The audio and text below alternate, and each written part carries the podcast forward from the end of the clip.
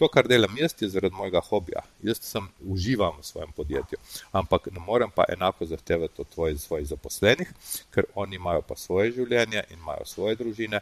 In moja naloga in mojega menedžmenta je, da zorganiziramo podjetje tako, da smo uspešni, tudi če končamo delati pol štirih.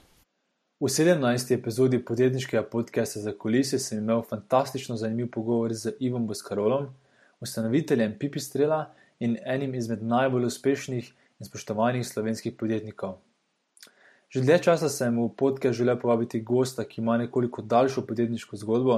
Sam menim, da se iz takšnih zgodb, ki so v bistvu preživele več kriz in različne politične reditve, lahko potegnemo takšne brezčasne nauke, ki bodo uporabni ne samo danes, ampak tudi v prihodnjih 50 ali celo 100 letih.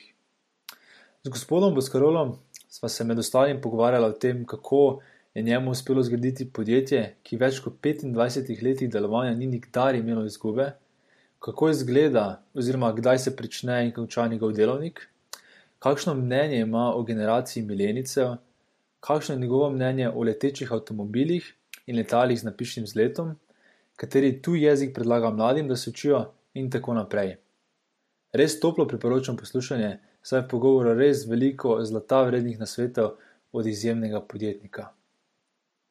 Da je do tega pogovora sploh prišlo, pa se lahko zahvalim sponzorju Domenci, ki je res super prostor za začetek naših podjetniških idej. V bistvu lahko na enem mestu dobimo tako domeno, kakor tudi spletno stran, ki si jo lahko postavimo kar sami. Primerno je tudi za tisti, ki nimamo programerskih znanj, kot sem tudi jaz, in vsi vemo, koliko časa včasih trajajo zadeve, ko se za izdelavo spletnih strani dogovorimo z zunanimi izvajalci, kar pa danes veliko krat niti ni potrebno, se za bolj enostavne ideje in vsebine obstajajo zelo enostavni in lepo dizajnirani urejevalniki vsebin. To lahko preizkusite tudi sami. Za vse poslušalce za kulisija je Domenca ponudila posebno ugodnost in ponuja 50% popusta na prvo obdobje zakupljenega paketa. Seveda imate predtem še vedno 14-dnevni brezplačni preizkus.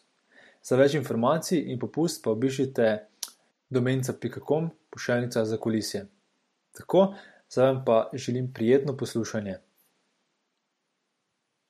Začnemo na čisto, čisto vašem začetku, še pred pipistelom. Sicer me zanima, kje se začne vaša podjetniška zgodba oziroma ambicija, ker bojda ste že od nekdaj bili sam svoj šef. Ja, zelo težko sem imel nekoga nad sabo, to je res. Um, v srednji šoli sem uh, že takoj vsake počitnice šel delati, kamor se je dalo, uh, da sem si zaslužil, da sem bil samostojen. Potem, ko sem se začel s fotografijo baviti uh, tudi v, uh, na univerzi oziroma med počitnicami, sem vedno poskusil, poskušal urediti tako, da je moj hobi prinašal tudi nekaj denarja, od katerega sem lahko ta hobi financiral, oziroma da mi ga je ostalo tudi kaj več zase. Tako da ja, eh, od majhnega, odkadar, se, odkadar pomnim, sem poskušal biti samostojen tudi finančno in potem tudi, tudi skrbeti za druge, to, kar zdaj počnem. Pa je to bilo v navadi takrat, mislim, da vseeno se pogovarjamo o časih um, bivše Jugoslavije. Je tako, koliko je bilo sploh takrat podjetništvo zaželjeno oziroma spodbujeno in omogočeno? Ah, to bi težko rekel, koliko je bilo eh, spodbujeno, ker takrat jaz nisem bil uradno podjetnik. Jaz sem eh, najprej začel eh, na univerzi kot eh, samostojni kulturni delavec. Takrat sem si plačeval tudi prispevke za socialno in pokojninsko zavarovanje. To ni bil pravi SP, ampak eh, si lahko od tega živel, taki so bili kulturni delavci. Eh, pa župniki so bili takrat, pa tudi barske plesavke, tako da so mi takrat eh, rekli, da sem neki med župnikom in kurbo. Ampak ja. Rekl bi tako, da določene stvari so bile bolj enostavne kot danes. Takrat delati kot študent ni bilo tako problematično, kot je sedaj, da moraš imeti vse te napotnice, vsi eh, ti davki. Ali pa tudi, če si takrat pomagal nekemu podjetniku ali pa obrtniku, te lahko plačeval tako na roko, ni bilo teh eh, problemov z žiro računi, z dohodninami, napovedmi. Eh, tako da, če si imel kakšno idejo, če si bil podjeten, eh, si eh, lahko tudi do denarja prišel, kar je danes bistveno težje. A je res tudi, da ste imeli največjo proizvodnjo za priponke v Jugoslaviji? Ja, sej sem jih jaz tudi v Jugoslavijo takrat pripeljal. Uh, enkrat sva bila s Tomažem Domiceljem v Londonu na nekem koncertu, sem namreč deset let živel od fotografije in sem v enem eh, v eni izložbi videl na tisoče teh pripomb in sem se prvič sploh z njimi srečal, nisem vedel, kaj to je. Uh, takrat v Jugoslaviji so bile na klobukih značke, to so imeli planinci, to je bila edina stvar, ki je bila nekaj podobnega temu. Uh, in ko sem pobulil in pogledal, kaj je to, je Tomaš v njegovem stilu rekel: ah, Butela, ne veš, to, to so beži. Ne. Sem rekel, kaj pa je to? Ja, to imajo ljudje tako, da si pripnejo na, na obleko, da vem, se poistovetijo s tem, lahko je tudi vstopnica za prireditev, eh, lahko je to, da se izkažeš, da si član neke skupine, kluba ali tako. In se rekel, se to je pa zanimivo, ne? gremo pogledati noter, da se vidi, kako je to narejeno, mogoče bi pa tudi v, jugi to šlo. Ne? Pa je rekel Tomaš, je rekel, Norsi je rekel, v Jugoslaviji noben te, o tem sploh nič ne ve, da to obstaja. Sem rekel, krasno, se to pomeni, da je v, v bistvu nedolžen trg čist prazen, jih bomo pa naučili, da to potrebujejo. Mhm. In dejansko potem sem tudi v to šel, sem takrat že tudi tiskarijo imel. Uh, in, uh, Ja, uh, mi smo tega delali po 10, 15, 20 tisoč na dan. Uh, takrat je bila ta akcija Slovenija, moja država, pa vse nogometne tekme, smočarski pokali, uh, vse živo je imelo za vstopnico ali pa ne, uh, kot, kot darilo zraven pripomko. Takrat zelo velik posel sem iz tega naredil. Mhm. Ja, ne, glih, v enem intervjuju sem bral, da je to bila največja proizvodnja za priponke v Jugoslaviji in ob tem ste v bistvu tudi pripomnili, da, kaj, da v bistvu vedno poskušate imeti res zelo visoke cilje, pa biti prvi. Lahko mogoče malo se pogovorimo o pomembnosti tega, teh visokih ciljev in te vizije. Ja, dan danes je tako, da imajo visoke cilje vsi. Kogarkoli vprašate, pogovorijo o visokih ciljih. Ne. Visoki cilji niso več dovolj. Uh, jaz sem bil pred leti na billboardih, eh, po plakatih po, po vsej Evropi, razen Sloveniji, eh, ker eh, me je pač Evropska komisija izbrala za promotorja eh, tedna malih, eh, malih in srednjih podjetij, zaradi tega, ker sem enkrat izjavil, da si je cilje treba postaviti previsoko, eh, zaradi tega, da damo vso svojo energijo, da jih dosežemo, ker samo visoko, cilji, visoko postavljeni cilji so premalo. In dan danes, veste, eh, nobeden si ne zapomni drugega. Drugi smo lahko vsi, prvi je pa samo eden. In eh, če si ne zastavite eh, za cilj uspeh, uspeh biti najboljši, potem vas jutri ni. Dan danes nihče več ne govori o včeraj, ni več pomemben današnji dan, ampak eh, pomemben je jutrišnji dan. In za jutrišnji dan je treba dolgo garati, zato da boš lahko jutri prepričal sam sebe, da moraš biti najboljši. To je enostavna formula za uspeh, ki je pa seveda doskrat zelo težka. Lahko malo pišete vaš delovnik, ker me zanima, kako izgleda v, bistvu v praksi to, ko nekdo res ogromno dela, pa da si mogoče tudi poslušalci predstavljajo, kako izgleda delo enega direktorja v tako vizionarskem podjetju. Ha, zdaj, jaz moram najprej uh, na začetku povedati, da, je, da sem eden redkih ljudi na tem norem svetu, ki lahko reče, da jim je služba hobi in hobi služba. Tako da jaz eh, zelo težko govorim o svojem delovniku, ampak uh, navadno uh, rečem tako, da svoj vsakdanji dopust začnem tam malo pred peto uro zjutraj ko uh, vstanem, pregledam maile, eh, če je še kaj takega, da sem na Skypu takrat eh, z američani ali pa že s kitajci, ki so takrat že, že budni. Potem zjutraj imam pol urce zase za, za kakšno telovadbo in zelo zgodaj sem že tudi v službi na delovnem mestu. Potem popoldan si vzamem tudi kakšno urico, da grem hoditi. No, in uh, zvečer sem ponovno na delovnem mestu, oziroma na mailih ali pa na Skypih. Spat grem tam nekje med eno in dve uro po noči, zelo malo spanja potrebujem, in potem v peti uri grem spet na dopust. To glede spanja je bilo vedno tako, ali to se vam je skozi čas potem telo navadilo na manj spanja? Uh, kaj pa vem, odkar, se, odkar pomnim, zelo malo spim. Pravijo, da vsi ovni zelo malo spijo, potrebujejo zelo malo spanja. Uh, jaz sem oven, to povem v, vem, tako, v obrambo. Z ovnje pa je zelo težko delati, ker imajo dejansko. Preveč izzivov, previsoko postavljene cilje, nič ni dovolj dobro za njih, ampak dan danes je tako v stanori svet tako zastavljen, da se moraš obnašati polnovsko, ali si oven ali nisi. Da, ja, eh, nisem, nisem veliko spal nikdar. Uh -huh, uh -huh.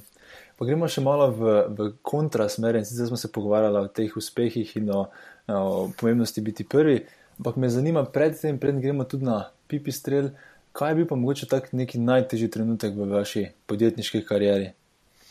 Oh, težkih trenutkov je vsak dan veliko. Ne? Če, če jih ni, potem, tako kot pravijo, da se človek eh, zelo hitro prenaje do belega kruha, eh, potem eh, postaneš povprečen. Jaz sem se vedno moral boriti proti večjim od sebe, vedno sem prihajal zadnji na trg in zato sem moral biti najboljši, in doskrat so se mi stvari sesuvale. Uh, sesul se mi je jugoslovanski trg, uh, sesul se mi je trg motornih zmajev, takrat, ker so vsi šli v izdelavo letal. Sesul se mi je tiskarski trg, ker so prihajali, seveda, printeri. Uh, hvala Bogu, sem imel vedno nos, če lahko temu rečem. Kam pa stati, omolivo bodoče. Ne? Ko sem jaz si prvič, jaz sem imel zelo močno tiskarno, uh, Eh, in ko sem si prvič eh, dopise za svojo tiskarno sprintal na, 3D, eh, na, na, na printer, sem rekel, s tiskarno je konec in sem prodal stroje in sem prodal dejavnost, preden rekel, bi zamrla. In tako sem tudi par drugih rekel, področjih dovolj hitro ugotovil, kam gre, vendar se je pa seveda včasih zelo težko preorientirati zlasti, če, če, če, če nisi popolnoma prepričan v to, to skrat narediš napake.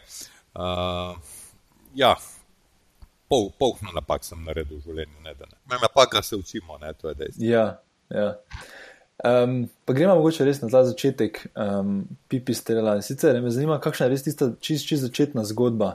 Uh, to se je začelo še tudi v Jugoslaviji, ne? Ja, jaz. Uh, sem bil rojen v Ajdovščini, oziroma sem živel eh, od majhnega v Ajdovščini, kjer imamo eno najstarejših letališč na tem koncu. In od malega so mi brnela letala nad glavo. Eh, ko sem bil majhen, sem začel z modelarstvom. Letalstvo me je vedno privlačevalo. In potem, tudi ko sem začel leteti kot jadralni pilot, eh, sem v tem zelo užival. Uh, jaz sem že takrat bil zelo podjeten in v bivši Jugoslaviji je bilo letenje praktično zaston. Bil si član kluba in če si imel čas, si prišel tja, vzel letalo in šel leteti. In eh, zaradi tega, na način, ki sem ga jaz imel s svojo dejavnostjo, se mi je letenje vsak dan bolj odmak, odmikalo, ker ko sem končal tisto svojo osnovno službo, če lahko temu rečem, sem prišel ob petih, šestih popovdne na letališče, vsa letala so bila v zraku in se je pač eh, letenje dogajalo zelo poredko. No, potem sem si kupil eno poškodovano jadralno letalo, sem ga z določenimi prijatelji takrat iz Elana potem popravil, da sem malo več letel. Ampak, ko sem pa v tujini videl, da se je začelo pojavljati motorno zmajarstvo, oziroma zmajarstvo, sem videl tam zelo veliko priložnost. To je bila namreč letalna naprava, ki si jo razstavil, ko si hotel leteti, in potem po, po, po letenju si jo spet sestavil, dal na avto in peljal v garažo. Nisi bil več odvisen od, od, od kluba, od drugih, in sem začel potem to leteti. No, pol se je pojavil ta trend, da smo eh, pod zmaja začeli montirati eno tako podvozje in na njega predelane motorje od avtomobilske, od Trabanta, takrat, ki so bili najlažji in smo začeli s tem leteti. Takrat je bilo to seveda na meji varnosti, tudi to, kar smo v tujini lahko dobili, je tudi za mojo velikost ni bilo ravno uporabno. Zato smo še z nekaj prijatelji začeli to spreminjati, da je bilo uporabno za nas in, in smo potem leteli s tem in bili zadovoljni. In ko so to tudi prijatelji iz Italije videli, so rekli, uf, naredi še nam to, ne, ker je fajn. In sem jaz videl eno priložnost, ampak takrat v Jugoslaviji, seveda, to izdelovati ni bilo enostavno, ker letalstvo, izdelava letal je bila v domeni Zvezdnega komiteja za promet in zveze, in ti kot zasebnik nisi mogel tega uh, delati. Ne. In jaz sem šel parkrat v Beograd in sem rekel, da jaz bom to izdeloval kot zasebnik. In so oni gospodje pod mizo padli in so rekli, da se to se ne da. Ne. Ti moraš uh mhm. -huh. veliko podjetje, kot je bil takrat Soko Mostar ali pa ne vem, Vršac in tako naprej. Sem rekel, zakaj, kje to piše? Ne. No, Potem sem bil toliko uporen, da sem seveda spremenil zakonodajo, naredil zakonodajo še s prijatelji tudi za to novo, takrat smo mu rekli, alternativno letalstvo, danes je to ultralahko letalstvo da smo postali legalni. In jaz sem postal prvi uradni zasebni proizvajalec eh, letal eh, v, v Jugoslaviji oziroma na celem Balkanu. Eh, in potem sem začel seveda tudi to iz Jugoslavije izvažati. Že takrat sem izvažal do Filipinov, praktično po celem svetu, te motorne zmaje. Najprej jih nisem mogel direktno sam, ampak sem jih izvažal preko Elana ali pa preko drugih podjetij. No, potem eh, se je pa počasi tudi to spremenilo in sem lahko prodajal direktno kot eh, studio Boskarol, še takrat, ker sem imel tiskarstvo, v bistvu eh, sem doregistriral tiskarsko dejavnost tudi v izdelavo letal. Mhm. No, zdaj se tudi imena dotaknili, studio Boskarol na to pipi strel. Mene pa zanima, odkot to ime, Ja, mi smo bili takrat, eh, seveda, eh, nelegalni. Ta, eh, jaz sem organiziral enkrat na letališču v Ajdovščini en letalski miting s temi alternativnimi zadevami in mislim, da sem takrat dobil 16 prijav. Od tega, da smo leteli z neregistriranimi letali, da smo vozili ljudi z neregistriranimi plovili, da sem organiziral tole prireditev eh, in dovolj letenje z nezaregistriranimi plovili. Skratka, eh, eh, bil je en inšpektor iz Beograda in nam je zapisal toliko nekih prijav, da jih nismo niti brali. Ker smo bili, ker smo bili nelegalni, nismo smeli uradno leteti na letališčih. Ampak v Ajdovščini, ker sem bil tudi jadralni pilot, je upravnik bil toliko toleranten, da je rekel, da ko mi zvečer zapremo letališče, ko grem jaz domov, da nisem več odgovoren za to, kar ti počneš, se ti lahko ubijaš s temi tvojimi zmaji, koliko hočeš, eh, sam leti zvečer. In mi smo dejansko leteli zvečer. Eh, na večernem nebu je pa oblika zmaja zelo podobna netopirju. In ajdovci so začeli počasi govoriti, da vidiš, oni bo skarolovi netopiri, so pa spet v zraku. In ker sem jaz takrat vedel, da jugoslovanski trg, čeprav smo dosti prodajali že v Jugoslavijo, bo premajhen za nas in da bo treba prej slep izvažati tudi izven Jugoslavije v Evropo ali kamorkoli. Seveda najbližja država mi je bila Italija. Sem rekel, bom pa vam podjetje oziroma takrat SP-ju še dal blagovno znamko ali pa ime, tako da bo italijani razumeli. Po italijansko netopir je pipistrelo, po latinsko je pipistrelus. In sem rekel, ne bom dal niti latinsko, niti italijansko, ampak bom naredil eno skovanko slovensko, da se bo to vedelo, da je to to. Sem mal porezal in sem dal ime Pipistrel in takrat ni bilo še niti uh, mojega uh, prijatelja Lerija Pejča z Googlom, ni bilo uh, Wikipedije, ni bilo interneta, uh, ampak takrat je bila to dejansko moja naj, največja inovacija v življenju. Ker eh, dan danes, če greste na internet in otipkate pipistrel, dobite praktično edino samo nas, ker je to skovanka. Eh, in eh, je to skozi leta, seveda, to ime postalo znano. Danes naša letala letijo, seveda, bistveno bolj kot netopiri, ampak ker je brend že tako znan, ga bomo verjetno kar obdržali še naprej. Ja, zelo zanimivo. Um, prej ste tudi omenjali, da na začetku ste začeli z temi um, motornimi zmaji. Me zanima, koliko ste že od začetka, kako daleč je segla vizija. Ne, ker danes se pogovarjamo že o električnih letalih in potem letalih, ki imajo napičen. Um, Poletanje, ja, vertikalno. Tako, tako. Koliko ste na začetku že tega videli? Veste, kako daleč je segla na začetku vizija? Ja, jaz sem takrat z motornimi zmaji dejansko prišel uh, zadnji na trg ne, in sem rekel, če prijem zadnji, moram biti najboljši. In smo zasnovali m, koncept motornega zmaja tako, da je bil uh, bistveno tišji od drugih, da uh, je bil narejen tako, da tudi če motor ugasne, še vedno lahko varno pristane, ker pri drugih to ni bilo tako. Uh, in uh, seveda zaradi tega sem hotel biti že takrat najboljši na trgu in sem tudi bil. Vi morate vedeti, da takrat smo mi že prodajali zmaje NATO, italijanski vojski, filipinski vojski, da je prva uradna uh, hrvaška uh, uh, aviacija. Uh, so bili naši motorni zmaji med vojno, eh, da so vsa zdravila v Sarajevo oblegano eh, eh, in ranjenci ven je šlo vse z našimi motornimi zmaji, ker so bili po noči praktično neslišni. Seveda se je zgodil zaradi tega tudi prvi uraden teroristični napad letalski z našimi zmaji, ko je teroristična skupina Abu Nidal takrat enega našega motornega zmaja v Nemčiji rabljenega kupla in napadla Eh, eh, izraelsko eh, kasarno v 80-ih. Skratka, ja, naši zmaji so bili že takrat dejansko najboljši in mi smo že takrat pač si postavili za cilj to, da če že nekaj delamo, bomo delali to tako, da, da se bo vedlo, kdo to dela. In Pipistrelov brend se je začel že zelo, zelo hitro uh, ločevati od drugih konkurentov. Jaz bi šel malo tudi za kulise tega samega, te vizije, oziroma potem, kako se pre, prevede v samo proizvodno. Ne.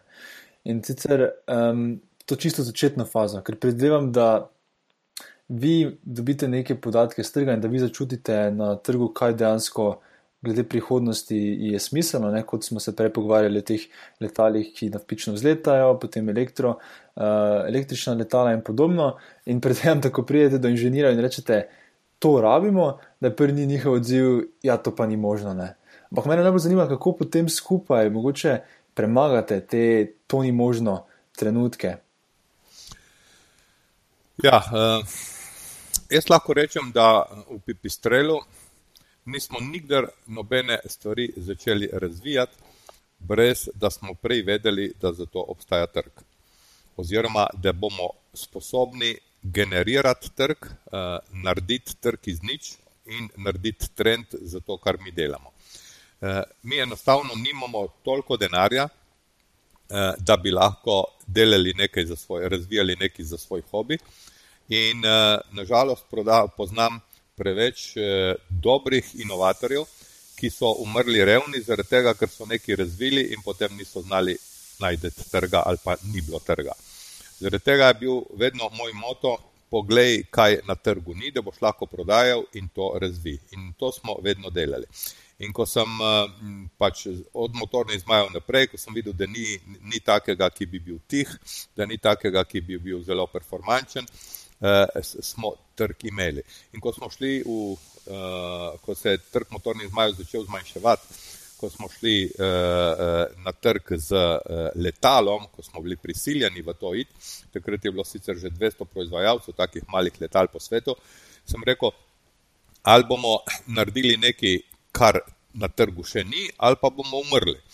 In sem pogledal, kaj na trgu manjka, in dejansko je na trgu ultralahkih letal manjkalo jadralno letalo s pomožnim motorjem, oziroma eh, eh, tako, tako, tak tip letala, ki je sicer v drugi višji kategoriji bil, vendar eh, zaradi omejitev teže se ga v 450 kg poletne mase ni dalo narediti. In ko sem jaz rekel, eh, moji ekipi bomo razvili letalo, ki bo poletelo na 100 metrih, eh, šlo 8 km visoko, s 50 konji, letelo 250 na uro eh, in bo tehtalo 250 kg, seveda so vsi rekli, to ni možno. Ne? Ampak se rekel, zakaj ni možno? Ne? Ja, zaradi tega tako pa tako. Jaz se rekel, bomo pa drugače razmišljali, pa ne bomo razvili letala tako kot vsi drugi, da najprej postavijo motor od spredaj in gradijo letalo okrog njega, ampak bomo mi se spravili k aerodinamiki, da bomo letalo naredili tako aerodinamično čisto, da bo potrebovalo manj goriva kot vsi ostali, da bo lahko jadralo, da bo lahko tiho in da če bo odpovedal motor, ne bo to katastrofa, ampak to predvsem plus, da boš lahko zavestno tudi ugasnil motor in z njim jadral. In so rekli, ja, seveda, ampak potem je to jadralno letalo, ki tehta toliko in toliko. Sem rekel, ne, bomo pa šli drugačen koncept in bomo delili krilca in flape, to je sicer tehnični podatek posebej, ampak bomo naredili to po celi dolžini, da lahko vzgon tudi kontroliramo, da bomo trup naredili tako, da tudi trup pač povzroča vzgon oziroma ustvarja vzgon. In čez, čez par tednov, pač seveda, smo rekli, mogoče, če pa to pa tako naredili, ne bi pa mogoče šlo. Ne? In ko smo mi polovico letala oziroma trup in polovico krila razstavili leta 1995 na največjem sejmu letalskem v Friedrichshafnu v Nemčiji, smo mi takrat dobili in, sa, in sam tehnične podatke zraven, smo mi dobili zelo mešane občutke. Namreč jaz nisem hotel iti v razvoj takega letala, ker nisem imel denarja in ker nisem vedel, ali ga bo trg sprejel, ker piloti ultralahkih letal so bili znani, da niso ravno najboljši piloti, ki bi lahko leteli tudi z jadralnim letalom oziroma z jadralnim motornim letalom. In so k meni hodili inženirji, ne, tam iz razno raznih letalskih inštitutov, so rekli, zakaj farbate ljudi, se to letalo ne more tako imeti takih karakteristik, kot jih vi tukaj pišete. Sem rekel, ja, jih ima lahko, ker smo mi to zračunali in vam povem, da, da je lahko. Ne. In so, so nas tudi celo po, po časopisih vlačili, da, da nategujemo ljudi in tako naprej.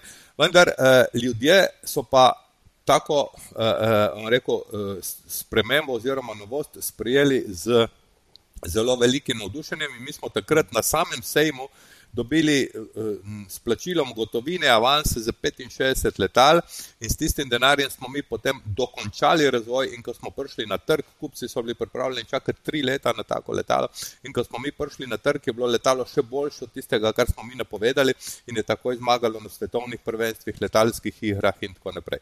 Tako da, in, in vedno je bilo potem tudi v bodoče tako, ne, jaz sem pred skoraj dvajsetimi leti rekel, da morajo vsa naša letala biti koncipirana tako, da je potrebna energija čim manjša, da je hrup, ki ga povzročajo, čim manjši, da je poraba goriva čim manjša. In takrat sem bil najbolj neumen konstruktor v očeh svojih prijateljev ali pa konkurentov, ker je bil bencin zastonj, hrup ni nobenega motil in tako naprej. Dandanes seveda hočejo vsi delati to, ampak mi imamo dvajset let izkušenj in, in seveda zaradi tega smo toliko pred njimi, ne. Mi s tristo litri letimo iz Čila do, do velikonočnih otokov, ki je štiri tisoč dvesto kilometrov, drugi po, po polovici poti bi pocepali v morje, ne. In zaradi tega smo lahko tudi s to filozofijo začeli razmišljati, da lahko letalo elektrificiramo, ker električni pogon je bistveno manj učinkovit kot bencinski pogon, ne, mi če primerjamo, ne vem, učinkovitost električnega pogona, je danes tako, kot da bi kuril maslo, ne kot da bi kuril bencin, ne. In zaradi tega mora biti letalo izredno učinkovito, energetsko zelo šparovno, če lahko temu tako rečem, da lahko sanjate, da boste mu dal na njega električni pogon, ne.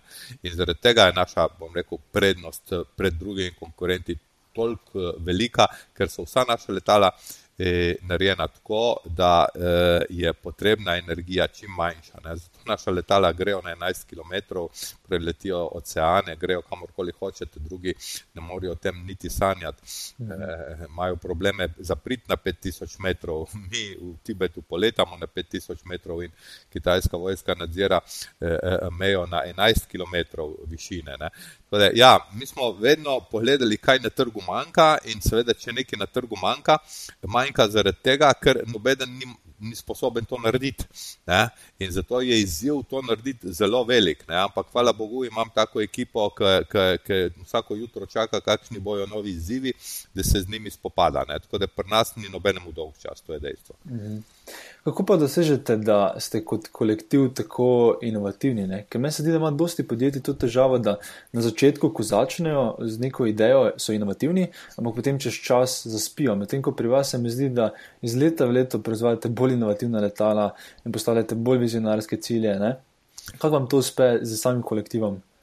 Ja, največji problem je eh, to, da se spet eh, prenaješ belega kruha, ne? da zaspiš na lovorikah. Eh, pri nas je vedno tako, da eh, se, se vsak dan borimo in, in to nas dela močne in to tudi povezuje kolektiv. Je pa res, da jaz vodim podjetje na en mal drugačen način, čisto neč podoben ameriškemu, pri nas profit ni bil nikdar na prvem mestu, ampak eh, so na prvem mestu vrednote, tako da je vedno delavec oziroma zaposlen sodelavec na prvem mestu. Eh, jaz pravim, da če je delavec zadovoljen, potem lahko pričakuješ, da bo produkt dober, če je delavec motiviran, potem lahko pričakuješ, da bo produkt inovativen. Mi nik, nikdar nismo imeli ekstremnih plač, razmerje med minimalno in maksimalno plačo pri nas ni niti štiri, tako da imamo vsi nekako normalne plače, ampak eh, jih pa nikdar nismo imeli samo 12. In vedno so bile redne, eh, vse, vse nagrade, ki jih dobimo, tudi delimo s kolektivom. Eh, delavci si lahko sami organizirajo delovno mesto, eh, ker imam zelo mlad kolektiv, mi končamo delati pol štirih. Eh, delavci morajo iti domov, zato da grejo svojim družinam, ne delamo na dur, ne delamo sobot. In vse to imamo dost nekih dogodkov, zabav, team buildingov. In, in to, to nas dela močne. Veste, ko smo mi zmagali, recimo na zadnjem nasinem tekmovanju, ki nam je prineslo največjo tudi denarno nagrado v zgodovini letalstva, ki je večja od Nobelove nagrade, ne milijon tristo. Eh, takrat, eh, pa tudi zdaj še se dogaja, da mojim ključnim ljudem v razvoju eh, ameriške korporacije, razno razni eh, Google, Norton, Grumani, eh, eh, eh, in NASA in tako naprej ponujejo po 200-250 tisoč Eh, dolarjev na leto, kar jaz seveda ne morem niti sanjati, da bi lahko nekoga eh, plačal. Vendar me nobeden ne zapusti, ker dan danes mlademu seveda denar pomeni to, da si omogoča normalno življenje, da si ustvari družino, da si kupi stanovanje, ne vem, organizira hišo, da gre dvakrat na leto na počitnice in tako naprej. Ampak eh, mlade danes kupite tudi izzivom, izziv, da, da ve, da spreminja svet z Eh, tudi eh, tem, da s ponosom pove, kje je v službi, da, da mu ni narodno povedati, eh, kje je v službi, s tem, da gre dobre volje v službo, da mu pustiš proste roke, da ga ne omejuješ in mu rečeš, ok, pedi svojo pot, tudi če boš naredil napako, na napaka se učimo in tako naprej. In, in, in to je potem tisto, kar drži kolektiv močen, tudi ko imaš težave. Veste, ko smo mi leta 2010 se pripravljali, da bi šli naslednje leto na nasitno tekmovanje, je bilo leto najhujše krize eh, eh, v, v, v gospodarstvu. Eh, takrat so podjetja umirala, banke so crkovale in tako naprej. In mi imamo vedno za novo leto eno tako prireditev, ko imam jaz na začetku govor, za katero pravijo, da je vedno predolg, ne, ker povem vse, kaj, kaj smo v prejšnjem letu naredili, kaj bomo v naslednjem letu, kakšne plane imamo in tako naprej, preden se začne zabava uh, in preden obdarimo otroke in tako naprej. Uh, sem rekel, veste, uh, do zdaj je Pipistrel veljal za podjetje, ki nikdar v zgodovini ni imelo izgube, ki vsako leto imelo rast. S takimi podatki se redko kakšno podjetje pohvali. Uh, sem rekel, uh, nikdar nisem nobenega odpustil, ampak glede na to, da delamo luksuzne izdelke, da je seveda pri vsakem prvo preživetje, hrana, obleka, obutev, stanovanje in tako naprej. Kriza, ki prihaja, bo lahko spremenila tudi v našem podjetju. Kaj, mogoče bom moral kakšno pogledati v oči in bom rekel, da te ne rabim več. Ne? In seveda je zavladala smrtna tišina eh, eh, med zaposlenimi. Eh, vendar sem rekel, že danes pa moramo nazdraviti in se veseliti, ker drugo leto, oktobra meseca, bomo zmagali na nasilnem tekmovanju, bomo premagali vse svet in bomo prinesli domov en milijon tristo, če ne drugega, to bomo sigurno in 10 sekund je bila tišina, in potem so šle vse v roke v zrak in so rekli, ja, bomo. In smo zmagali. A veste, in tudi ko je bilo najhujše, če berete mojo knjigo NASA blog, boste videli, ko nam je v Ameriki eh, na tekmovanju, ko so nam kontrolerji crknili in tako naprej, ko, ko mi je Tine poslal uh, message uh, game over, konec in tako naprej. Takrat so mene uh, zaposleni vlekli ven z, z motivacijo in tako naprej. Veste, če, če, če, če ti kolektivu daš eno varnost, če ti kolektivu daš eno poštenost. Veste, jaz če popoldan pridem v skladišče in rabim en, en selotep, ko so trgovine zaprte, jaz napišem listek skladiščniku in na koncu meseca eh, mi meni pri plači to odbijajo. Če oni vejo, da jaz podjetja ne izkoriščam, potem tudi ne rabim imeti nič zaklenjeno, ker vem, da ne bo noben kradel. In ravno tako je z, z, z zaupanjem. Jaz sem prepričan, da eh, je podjetje uspešno voditi na dolgi rok, ker na kratki rok je tako eh, zelo enostavno, da se ga da tudi za upoštevanjem vrednot. Eh, to seveda v Sloveniji je to, kar sem zdaj rekel, zelo bogokletno, ampak eh, jaz sem dokazal, da se da. Ne na zadnje tudi ljudje začenjajo to ceniti. Veste, jaz sem edini slovenec, ki so ga eh, bravci Reader Digesta za Trusted Brand petkrat zaporedoma do zdaj eh, izbrali za najbolj zaupanja vrednega podjetnika v Sloveniji. In če vam to ljudje potem zaupajo in lahko vi zaupate njim, potem vas ne more noben ustaviti in pol vas ne bo noben tudi zapustil. Mm -hmm. Jaz bi se dotaknil enega detajla, ki se mi zdaj zelo zanimiv in sicer, da pri vas delavci gredo domov že okrog 4,5-4 ste rekli. Ja. In mislim, živimo v času, kjer velike podjetja, pa tudi dosti podjetnikov, govorijo o tem, da je treba delati 24 ur na dan, oziroma pač podjetja stremijo k čim daljšim delovnikom, da iz delavcev dejansko stisnejo čim več. Ne. Vi pa končate že pol štirih. Ampak me zanima, torej, kako uspete organizirati delo, da lahko v teh, ne vem, osmih urah, koliko ste v, v um, pisarni oziroma tovarni, dejansko naredi dovolj. E, če v delovniku ne naredite dovolj, potem je to problem menedžmenta, nezaposlenih in organizacije.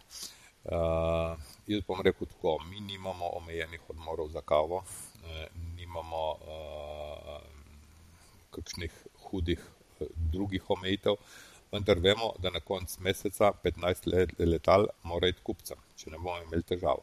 Eh? Torej, se moramo vsi skupaj zavedati, da svoje delo moramo prav opraviti. E, mi nimamo prisile, ampak imamo motivacijo. Vemo, da če bo na koncu meseca plan izpolnjen, potem lahko pričakujemo, da bomo uh, uspešni še naprej. E, dan danes, ja, e, kapital seveda zahteva svoje, ampak kapital generiramo mi sami. A veste, e, pred kratkim prišla ven informacija, da 49 ljudi eh, obvladuje 50% svetovnega kapitala. Ampak to, to generiramo mi vsi in vsi tisti v Bangladešu in, in vem, eh, na vzhodu, otroci, osemletni, ki delajo za 2 dolarja na, na mesec. Veste, vse to generiramo mi, ko gremo in kupimo majčko za 2 evra, ko gremo in kupimo čevlje za, za 1 evro in pol ali pa 10 evrov ali pa 5 evrov. Če mi tega ne bi delali, potem ti ljudje dol ne bi bili izkoriščeni. In, in ravno to se dogaja, seveda, tudi v Evropi in, in tudi v Ameriki in povsod. Zaradi tega, ker eh, si je kapital izmislil eno eh, zelo eh, dobro orožje, ne rečem niti temu orodje, ampak orožje, zato da generira povpraševanje. In to je standard. Dan danes, pogledajte, zahodnjaki kupimo ali pa porabimo eh, denar za 70% stvari, ki jih ne potrebujemo. Jaz imam to srečo, da potujem po celem svetu in vidim, koliko so lahko ljudje srečni s tistim, kar imajo, ne s tistim, kar si želijo. A veste, pri nas ni več dovolj en telefon, en avto, eh, eh, eh, obleka jo oblečeš enkrat, ne petkrat in tako naprej. A veste, meni, eh, meni eh, ko pridejo tudi vem, moji kolegi, rečejo, a res nimaš jadrnice? Ne, a nimaš, a nimaš vikenda? Ne, nimaš. Zakaj? Zaradi tega, ker ga ne rabim. Jaz pridem v službo in sem tukaj srečen. E, e, veste, e, osebna sreča e, je lahko tudi zgenerirana. Zadnji sem se peljal e, po Ameriki in sem videl e, ob cesti ta, te panoje in na enih je nasmejana deklica, na drugih deček tam. Eh, mlad in zraven neki Ford in, in piše, jutri boš 16 let star. Jutri sem lahko tvoj eh, za, eh, brezobrestno, eh, eh za eh, brezobrestno posojilo, ki ga začneš odplačevati čez pet let. Veste, in zdaj se vi predstavljate, da ste starš in, in otrok prije vam, ki ima 16 let ne, in reče, mama, a bomo kupili uh, avto. Ne? Mama pravi, ne, ker ti ga zdaj danes ne rabiš, a boš komi po 18 letih rabo. Ampak pri 18 letih pravi fotor, ga bomo mogli plačati takoj, zdaj pa če ga zdaj vzamemo, pet let ne bomo nič plačevali in potem ga bomo še, šele začeli odplačevati. Ne? Veste, in to je tisto, ko e, e, marketing oziroma kapital s svojimi mehanizmi e, e, e, te, e, tega standarda Eh, sili ljudi, da živijo preko svojih zmožnosti. In kakor hitro začneš živeti preko svojih zmožnosti, potem moraš nujno živeti na račun nekoga drugega. In to seveda lahko prenesemo zdaj takoj nazaj na tisto vaše vprašanje v podjetju. Ne. Če bi jaz zahteval, da moji zaposleni delajo preko svojih zmožnosti, ne, potem morajo nujno uh, delati uh, za, za nekaj, kar eh, nimamo eh, realne osnove v povpraševanju. Če, če mi s svojim delom naredimo dovolj eh, in smo lahko uspešni, zakaj bi potem silo ljudi, da delijo preko svojih možnosti, da pridijo drug dan utrujeni v službo, da nimajo časa za svojo družino, da se jutri ločujejo in tako naprej. Veste, iz Ajdoščine, eh, Ajdoščina je majhno selo in so vedno ljudje odhajali v službo, ali Novo Gorico, ali Ljubljano in tako naprej za boljše službe. Veste, v Pipistrel se danes vozi iz Ljubljane nekaj deset ljudi ali pa z cele Slovenije eh, v, v to malo selo zaradi tega, ker so delovni pogoji in odnosi v podjetju taki, da se jim splača hoditi dol, oziroma da vidijo tukaj eh, drugačno bodočnost in so si tukaj že hiše kupili, stanovanja in so ostali tukaj, ker vidijo, da se da živeti tudi na drugačen način, ne da, da pol življenja preživiš v podjetju. To, kar delam jaz, je zaradi mojega hobija. Jaz sem uživam v svojem podjetju, ampak ne morem pa enako zahtevati od tvojih, svojih zaposlenih, ker oni imajo pa svoje življenje in imajo svoje družine. In moja naloga in mojega menedžmenta je, da zorganiziramo podjetje tako, da smo uspešni, tudi če končamo delati pol štirih. Mhm. Kakšna pa je vaša izkušnja dela z milenici? Se je kaj spremenilo? Ma, lejte, mi imamo zelo mlad kolektiv, zadnji sem se pohecal, da eh, ko smo imeli za novo leto eh, tole predstavo za otroke, mi imamo zdaj 140 zaposlenih tukaj in otrok je že bilo več kot 150, sem rekel, da zdaj je pa tega dosti, zdaj moramo pa počasi poštarja zamenjati eh, tukaj v okolici, ker je preveč otrok. Jaz imam mlad kolektiv, tako da imam ogromno milenicev.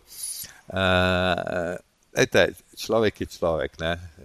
Dan danes eh, mladi sicer nimajo ovir v glavah in če mu tukaj ni všeč, bo šel v Ameriko, bo kupil eh, nepovratno karto ne, ali pa bo stal. Ne. Tako da eh, mladega moraš danes eh, zmotivirati, eh, da eh, tisto, kar zna, eh, tisto eh, lahko uporabi. Mladi imajo ogromnega znanja, eh, razmišljajo. Eh, stokrat hitreje kot, kot, kot mi, uh, poznajo druga orodja za biti uspešni.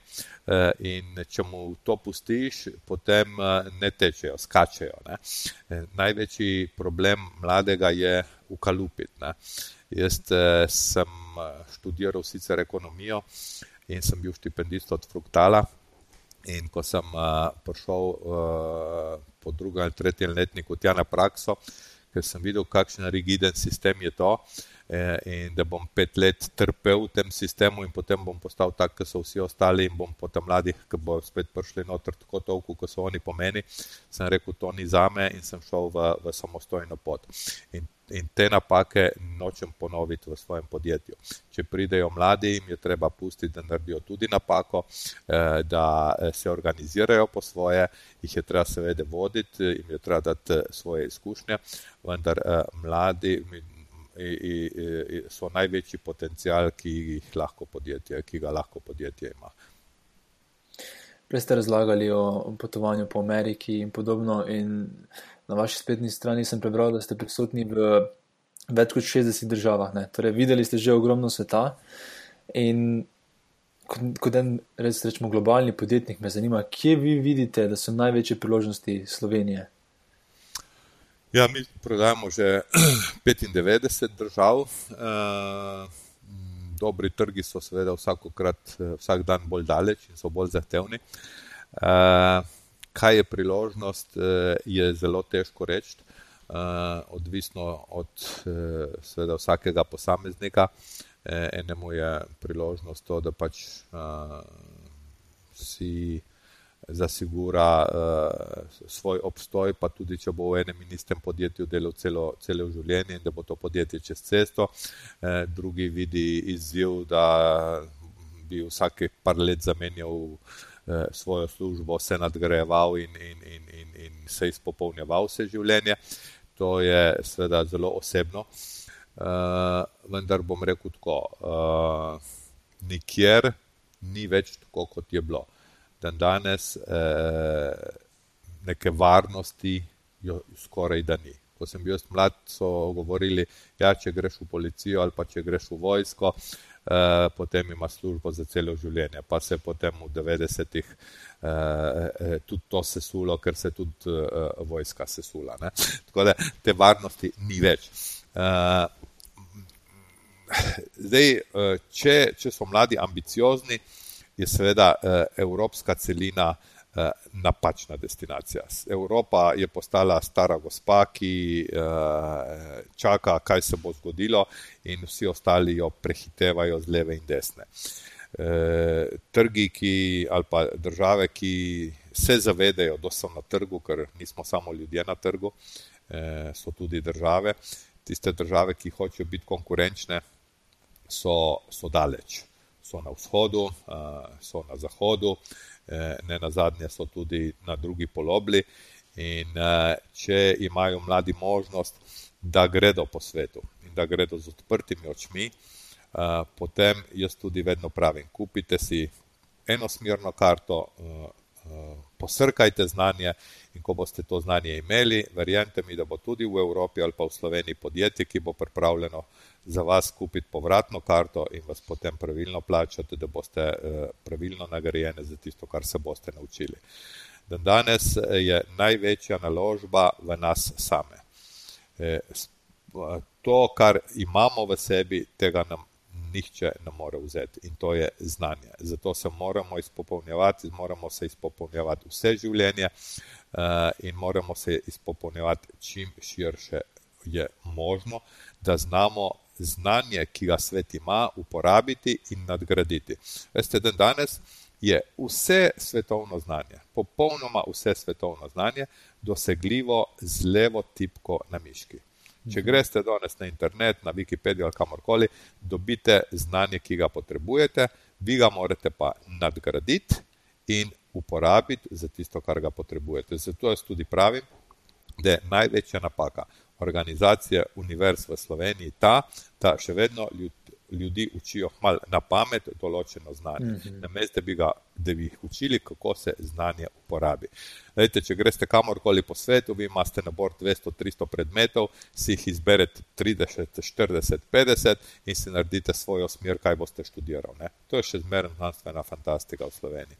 Eh, in, in potem si preosko usmerjen in ne študiraš tistega, kar, kar bi hotel, eh, nisi motiviran, eh, ne znaš potem, ko, ko končaš, ne znaš tega znanja pravilno prodati, ker sebe se moraš prodati, ko, ko, ko, ko priješ v podjetje.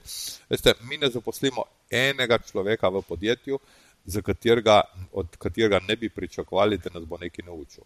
Če ima za prideti k nam študent ali pa diplomant ali pa vem, inženir in čaka, da se bo pri nas nekaj naučil, potem nismo pravo podjetje za njega.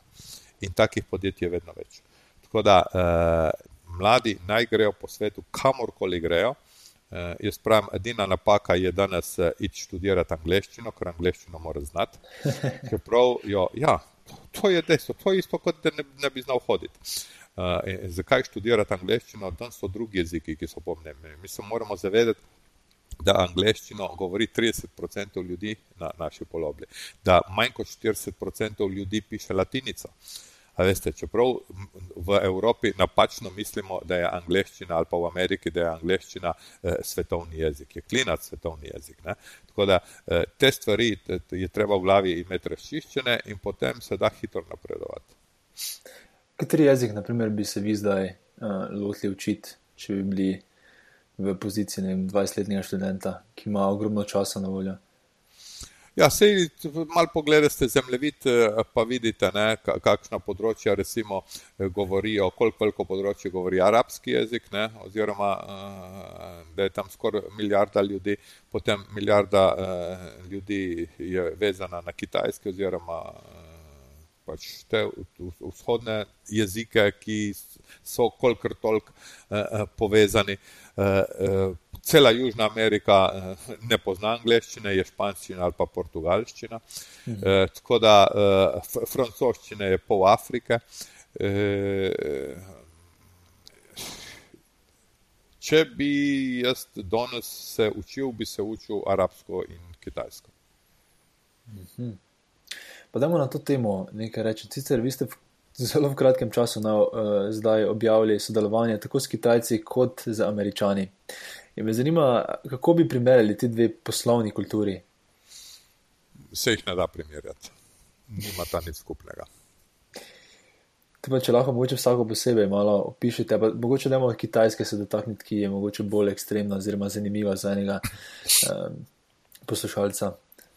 Ja, Kitajska ima prvo, kot prvo, desetkrat daljšo kulturo od uh, Američanov. Ne? Tako so si uh, uh, Američani še skalpe rezali, so Kitajci že imeli 3000-letno tradicijo eh, trgovine, proizvodnje, organizacije države in tako naprej. Kitajci se zelo močno zavedajo svoje tradicije in svoje velikosti in svoje notranje, notranje moči trga. Ne. Kitajska lahko preživi, če gre cel svet k vragu, uh, oni ali pa Indici, ne, to so dve države, ki sta milijardni, oni lahko preživijo sami. Uh, in tega se zelo dobro zavedajo. Uh, zavedajo se tudi tega, Kitajci se zavedajo tega, da uh, imajo uh, največjo uh, rekel, prednost pred vsemi temi. Uh, kar se posla tiče, se za drugo to ni prednost mogoče, eh, to, da je bila religija pri njih prepovedana in da se ne ukvarjajo z omejitvami, ki jih drugi imajo zaradi religije, ampak da je ta največja religija je posel oziroma uspeh. Kitajce namreč denar ne briga, mogoče bo to presenečenje za koga, ne? ampak Kitajci sploh ne ve, koliko denarja ima, čeprav imajo enega novega milijarderja na teden, ampak za njih je pomemben uspeh. Biti boljši od američanov, eh, biti večji od tega, biti, biti skratka najboljši. To je njim uh, ucepljeno in, in eh, že, že od tisočletij nazaj, ko so bile dinastije, če si bil del tega, si bil, si bil noter. In, in tako se obnašajo tudi v poslu. Zaradi tega so dobri pogajalci. Zaradi tega uh, jih uh, drobtinice ne zanimajo, na kitajskem ali je posel velik ali pa ga ni. Uh, zelo hitro se učijo, tudi jezikov, tako da na kitajskem še najlažje komuniciraš z, z, z, z angleščino.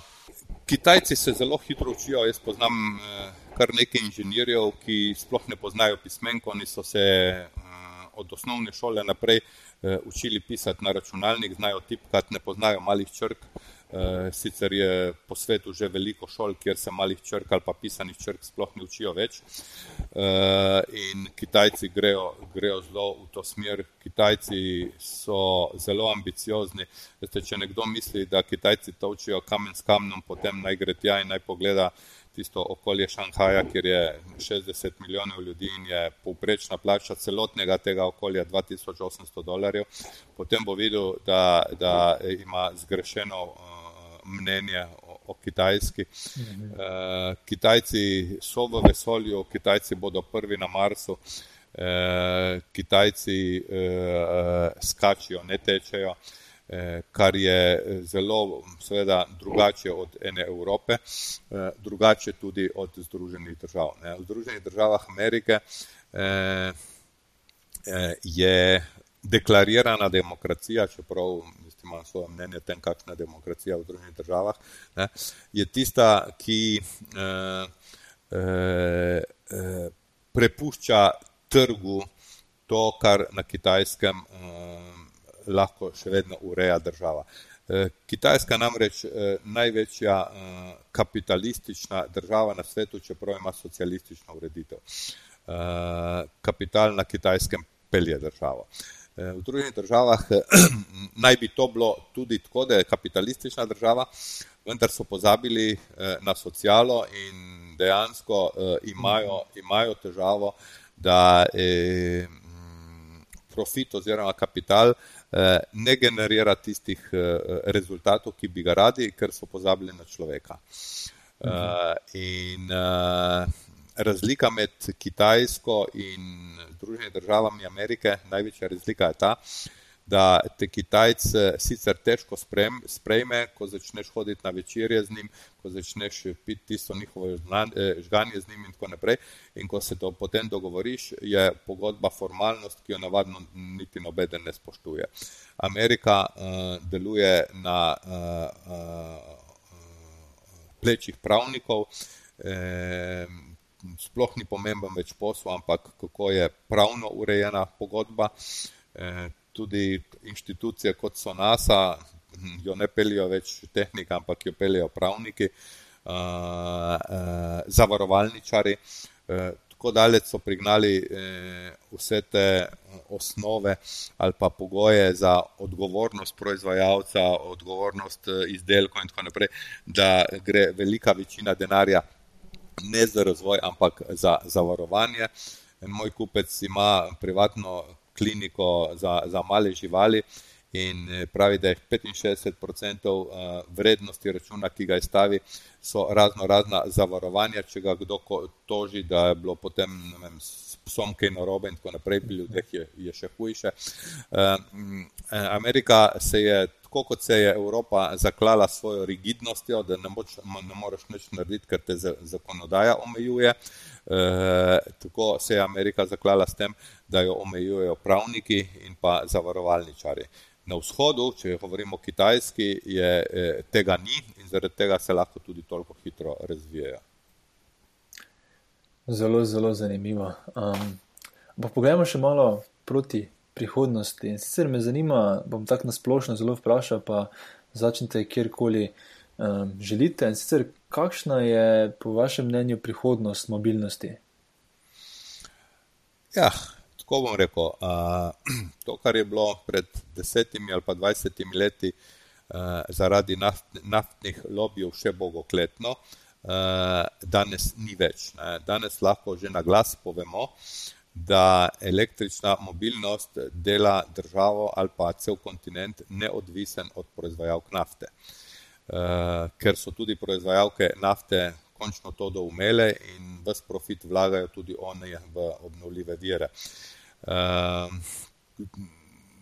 avtomobilska industrija tudi to že sprejema, ne povsod, evropska bolj počasi kot druge, uh, ameriška še bolj počasi, ampak Eh, dejstvo je, da eh, vi elektriko lahko lokalno proizvajate iz vode, iz sonca, iz vetra, kjerkoli in eh, zaradi tega, če so države pametne, seveda bodo vlagale in vlagajo v električno mobilnost. Elektrika je v tem trenutku edina, ki je lahko čista, Eh, ki jo lahko pošljete tudi v hrib brez eh, dodatne energije. Eh, elektrika, električna mobilnost je zelo enostavno upravljiva, je bistveno tišja od, od vseh kakršnih koli motorjev na, na fosilna goriva, ne onesnažuje in zaradi tega je seveda idealna za mobilnost. V tem trenutku je rekel, popoln, popoln substitut fosilnim gorivom oziroma pogonom na, gori, eh, na fosilna goriva na železnicah, eh, v podzemnih železnicah, eh, v mestnem prevozu, v medmestnem prevozu. Če greste v Peking, boste videli, da ni več enega skuterja ali pa enega dostavnega vozila, ki ne bi bil električen. Elektrika v tem trenutku popolnoma nadomešča pogon jadralnega letala s pomožnim motorjem, Eh, lahko popolnoma nadomesti pogon eh, šolskemu letalu, kjer je potrebna avtonomija do ene ure. Elektrika lahko popolnoma nadomesti eh, ves rečni prevoz, ladijski prevoz, male skuterje, vse to, kar ne potrebuje zelo dolge avtonomije s razno raznimi hibridnimi kombinacijami, kot, je, kot so gorivne celice na vodik, eh, ki so tudi popolnoma čiste, ker je edini produkt eh, čista voda. Eh, lahko elektriko proizvajamo tudi med potovanjem, med letom in tako naprej, tako da tudi letenje preko Atlantika ni več znanstvena fantastika. Elektriko se da zelo enostavno upravljati. Eh, ne potrebujemo več eh, kablov, bovnov in tako naprej, ampak samo žice. Eh, električni motori imajo izredno visoke izkoristke, shranjevanje energije postaja vsak dan bolj enostavno. Hm, sem se pravkar z Maroka vrnil, kjer sem videl tole največjo elektrarno, hm, sončno elektrarno z vodljivimi zrcali se, kjer se žarek eh, pač, eh, srečuje v enem takem visokem stolpu, v katerem se grevajo olje na 600 stopinj. To olje potem v podzemnih rezervarjih skladiščijo in to olje ogreva vodo, da se uparja na 130 stopinjah in je potem elektrika proizvedena kot parni stroj. Eh, vendar to olje lahko skladiščijo več dni, ne samo šest ur, tako da eh, je sončna elektrarna dan danes eh, popoln substitut tudi za vem, druge tipe elektrarn, ker lahko, čeprav sonce sije samo 12 ur, lahko proizvaja elektriko non-stop 24 ur in tako naprej. Skratka, vsi ti drugačni pristopi, kot so, bojo naredili našo atmosfero, upam, spet počasi, malo bolj čisto, eh, da bomo zmanjšali hrup, zlasti v velikih mestih. Ta kitajski projekt, ki so ga zdaj pred kratkim predstavili, da bi oni naredili nekakšen, če lahko temu tako rečem, svetovni in energetski internet, ne, da se bojo lahko tudi selili energijo iz obsončenega eh, dela planeta na, na tisti, ki je v temi. Eh, in če bomo še šli s temi smart gridi naprej, oziroma z inteligentnimi omrežji, da eh, ne bomo imeli več toliko latentne energije, oziroma energije, ki ni izkoriščena, ker eh, če pogledate sam to, ne, v tem trenutku se mi dva zdaj eno uro pogovarjava in oba najna mobilna telefona eh, sta eh, neizkoriščena energija, v njih je neizkoriščena energija, v najnih računalnih je neizkoriščena energija, v najnih avtomobilih je neizkoriščena. Če bi mi vse te eh, stvari priklopili na inteligentno mrežje in napisali, čez eno uro rabim energijo nazaj, bi ta energija lahko šla kamorkoli na drug konc sveta eh, in bi, tem, in bi na tak način prihranili 30-40% energije svetovne in bi tudi energija, energetske potrebe bile manjše in tako naprej. Na vsem tem se dela, eh, tudi mi delamo, moram reči, in jaz sem prepričan, da elektrika v tem trenutku je tista energija, Eh, ki eh, eh, lahko zagotavlja boljšo kvaliteto življenja v bodoče. Poleg geotermalne energije, električna energija, oziroma tako bom rekel, sonce je tisto, ki nam da dovolj energije. Veste, sonca pade na zemljo v manj kot treh minutah dovolj energije za svetovne potrebe, letne svetovne potrebe v tem trenutku. In vse energije, popolnoma vse energije, razen geotermalne energije, so posledica sončne energije. Tudi premog, tudi nafta, eh, tudi sončna, tudi veterna energija, vse je posledica sončne energije. Eh, in zato se moramo fokusirati na električno energijo, ki jo najlažje proizvedemo iz sončne energije. Kaj je prihodnost specifično uh, letalstva, torej ja, elektrika, ampak mislim tudi z vidika samega uporabnika. Ne? A bo letalo kdaj tudi vsakodnevno prevozno sredstvo, bomo imeli leteče avtomobile? Kaj je vaše mnenje o tem?